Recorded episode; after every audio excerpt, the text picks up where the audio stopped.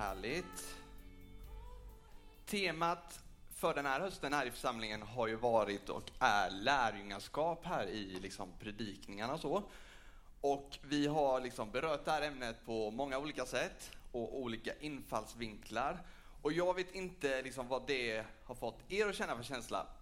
Man kanske blir liksom jätteinspirerad och känner att wow, jag vill verkligen följa och jag vill liksom ge mitt liv för Gud och lämna allting till honom. Eller så bara tänker man rent praktiskt liksom på ja, men Bibeln och hur var det för lärjungarna var lärjungar och sådär. Men kanske också det kan vara så att det finns delar i oss eller en del av oss som känner att ja, men det här är ju ganska svårt. Och liksom man kanske känner en del krav och en förväntan på att som lärjunge så borde jag vara så här och så känner man att man kanske inte riktigt räcker till. Kanske är det så. Så när jag liksom satte mig ner och skulle förbereda den här predikan så liksom landade min rubrik i, lite ironiskt, lyckad lärjunge blev temat. Jag tänker vi kan be tillsammans.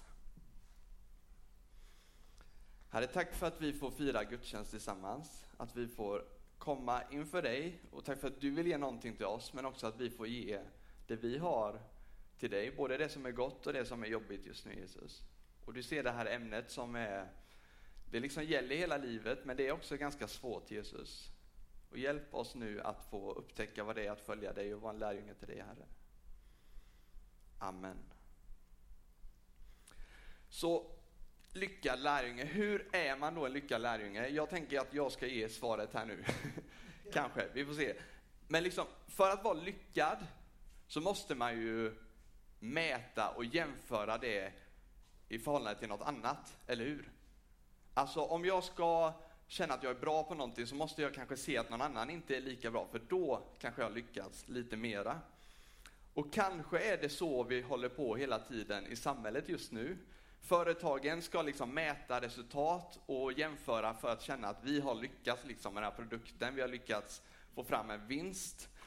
Och också liksom i våra privatliv eller på jobbet så ska vi lyckas prestera någonting. Vi ska lyckas med träningen för att se ett resultat. Och vi ska lyckas rädda miljön och den stora utmaningen som vi har framför oss. Litet problem. Och vi ska också lyckas liksom vara någon och hänga med på sociala medier. Så vi jämför och mäter och förhoppningsvis där liksom i slutändan så kanske vi kan känna att ja, men jag har nog lyckats. Och kanske också ganska ofta så känner vi att vi inte har lyckats.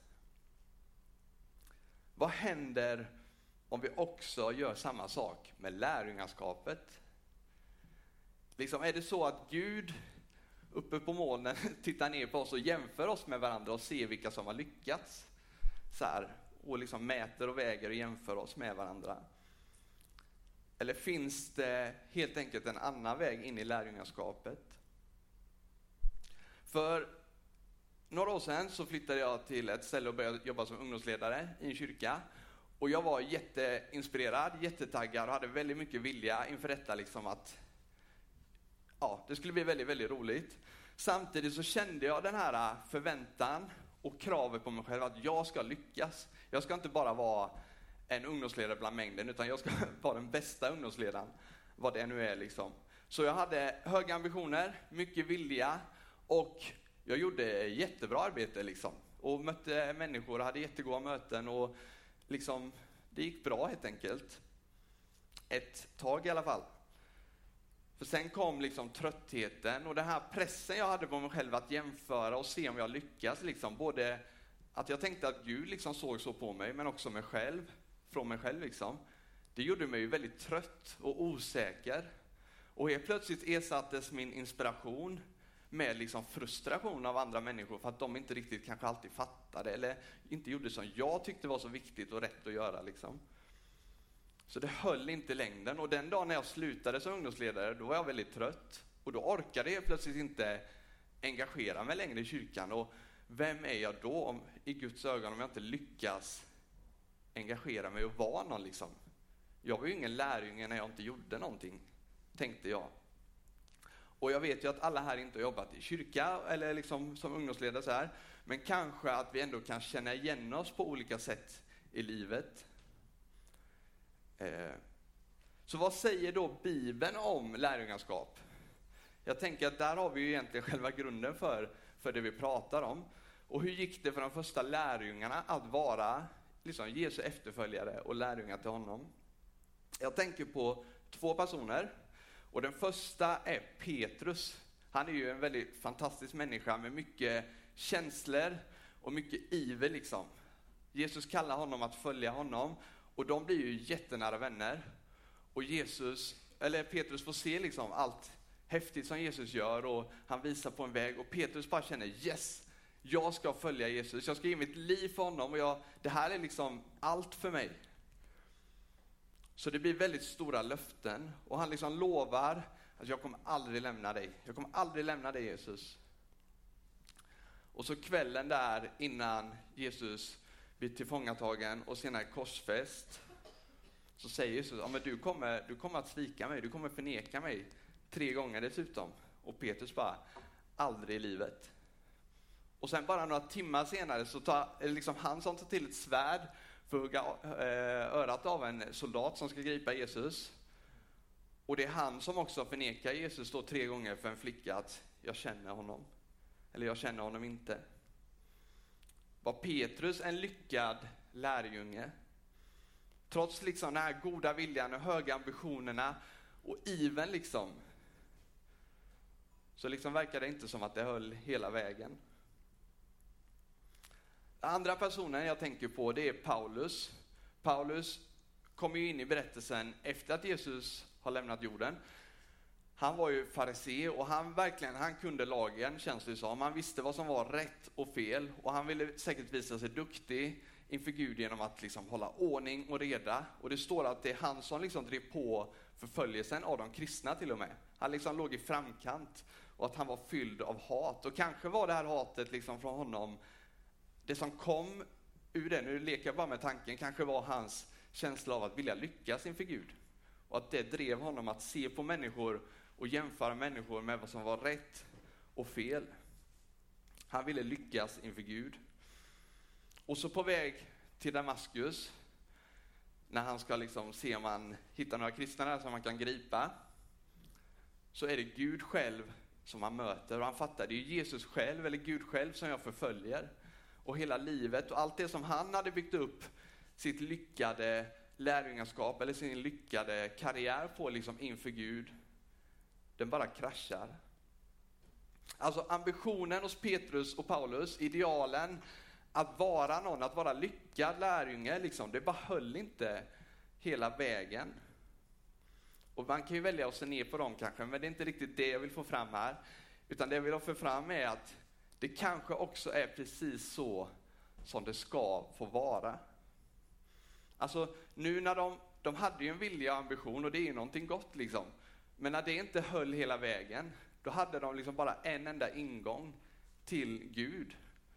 Och det var ju hans nåd att, ja men Jesus jag behöver dig, jag klarar inte allting själv. Jag är inte alltid lyckad och jag lyckas inte hela vägen liksom. Så liksom vad är det som händer hos dem? Deras egna försök, ibland tar man bilden av en stege, liksom, att vi ska klättra upp till Gud. Ju bättre vi är, desto närmare Gud kommer vi. liksom.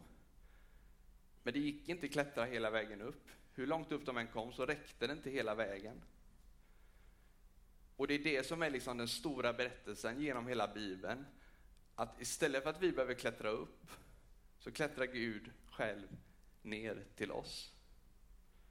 Och han möter oss där vi befinner oss i vårt liv. Inte där vi borde vara, eller där vi önskar att vi är, där vi jämför oss med andra och känner att vi inte räcker till, utan precis där vi är just nu i vårt liv.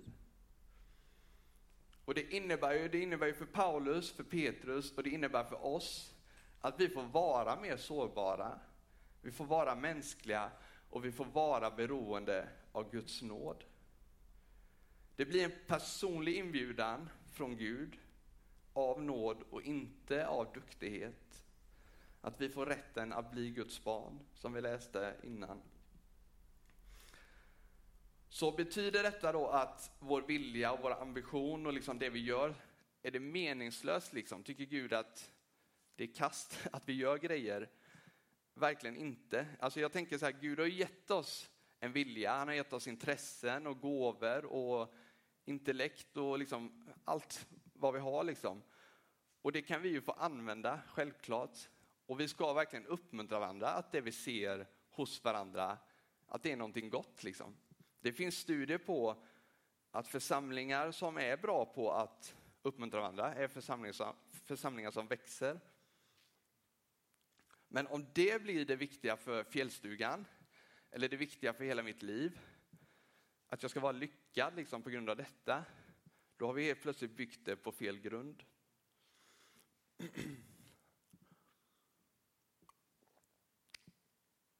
Paulus i breven som han skriver i Nya Testamentet, han pratar väldigt mycket om sin svaghet. Jag vet inte om ni tänkt på det, men det liksom återkommer hela tiden om hans svaghet. Och i andra Korinthierbrevet så skriver han, eller det verkar som att det finns några som han kallar superapostlar som har kommit till den här församlingen och så undrar församlingen, liksom, är det de som har den rätta läran eller är det du som har det? Och de superapostlarna menar Paulus, de berömmer sig över sin duktighet och liksom tittar på vilka under vi gör och vi, med oss är det ni ska följa. Och Paulus svar mot dem blir en helt annan väg. Och vi kastas in i en bibel i en vers här, men jag ska förklara sen. Liksom. Men i andra Korinthierbrevet 12, 7-10 så svarar liksom, i slutet på det svaret Paulus ger så skriver han så här. Att för att jag inte ska förhäva mig efter dessa väldiga uppenbarelser så jag har fått en tagg i köttet, en ängel från Satan som ska slå mig så att jag inte förhäver mig. Tre gånger har jag bett Herren att den ska lämna mig, men han svarade mig, min nåd är nog för dig, för min kraft fullkomnas i svaghet. Därför, därför vill jag hellre berömma mig av min svaghet, för att Kristi kraft ska vila över mig.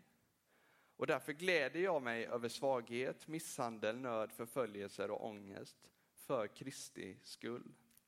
För när jag är svag, då är jag stark. Alltså Paulus väljer en helt annan väg.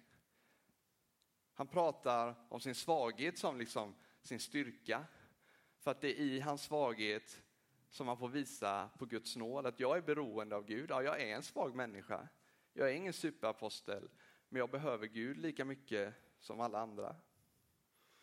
Det blir nästan liksom som en paradox i hela kristna tron att hur mycket vi än liksom växer och utvecklas och följer Jesus, och det ska vi göra och det är någonting gott återigen, så kommer det ändå alltid vara vår svaghet som visar på att vi är ju människor som behöver Gud. Det är där evangeliet får synas. Magnus Malm har sagt ett citat som lyder så här. Att försöka bygga upp ett lärjungaskap på styrka och framgång, det kan bara leda till förtryck och utslagning eftersom jag då börjar jämföra mig med andra. Med att mötas på bristningsgränsen föder liv, helande och gemenskap. Jag tänker att det är precis detta som Paulus och Petrus upptäcker och att det får bli deras grund. Så hjälp oss, liksom, vi får hjälpa varandra som församling att sträva efter detta. Alltså, det är en som har sagt att ju mer vi spelar säkra inför varandra, desto osäkrare blir vi. Så låt oss få vara osäkra, eller låt oss få vara mänskliga, vanliga människor som får dela det vi har, det vi brottas med och liksom det som är vårt liv, de vi är. Men låt oss också få uppmuntra varandra i det som är gott med varandra. Alltså vi lever ju i en tid idag som är väldigt mycket krav och press utifrån att vi ska lyckas. Och kanske är det därför ännu mera som vi som församling verkligen behöver varandra och att detta får vara en äkta gemenskap i ett liksom samhälle där mycket är så kravfyllt så att vi kanske trycker undan den här äktheten och mänskligheten. Så låt vi som församling få vara en gemenskap där vi välkomnar varandra som vi är, ser varandra och uppmuntrar varandra.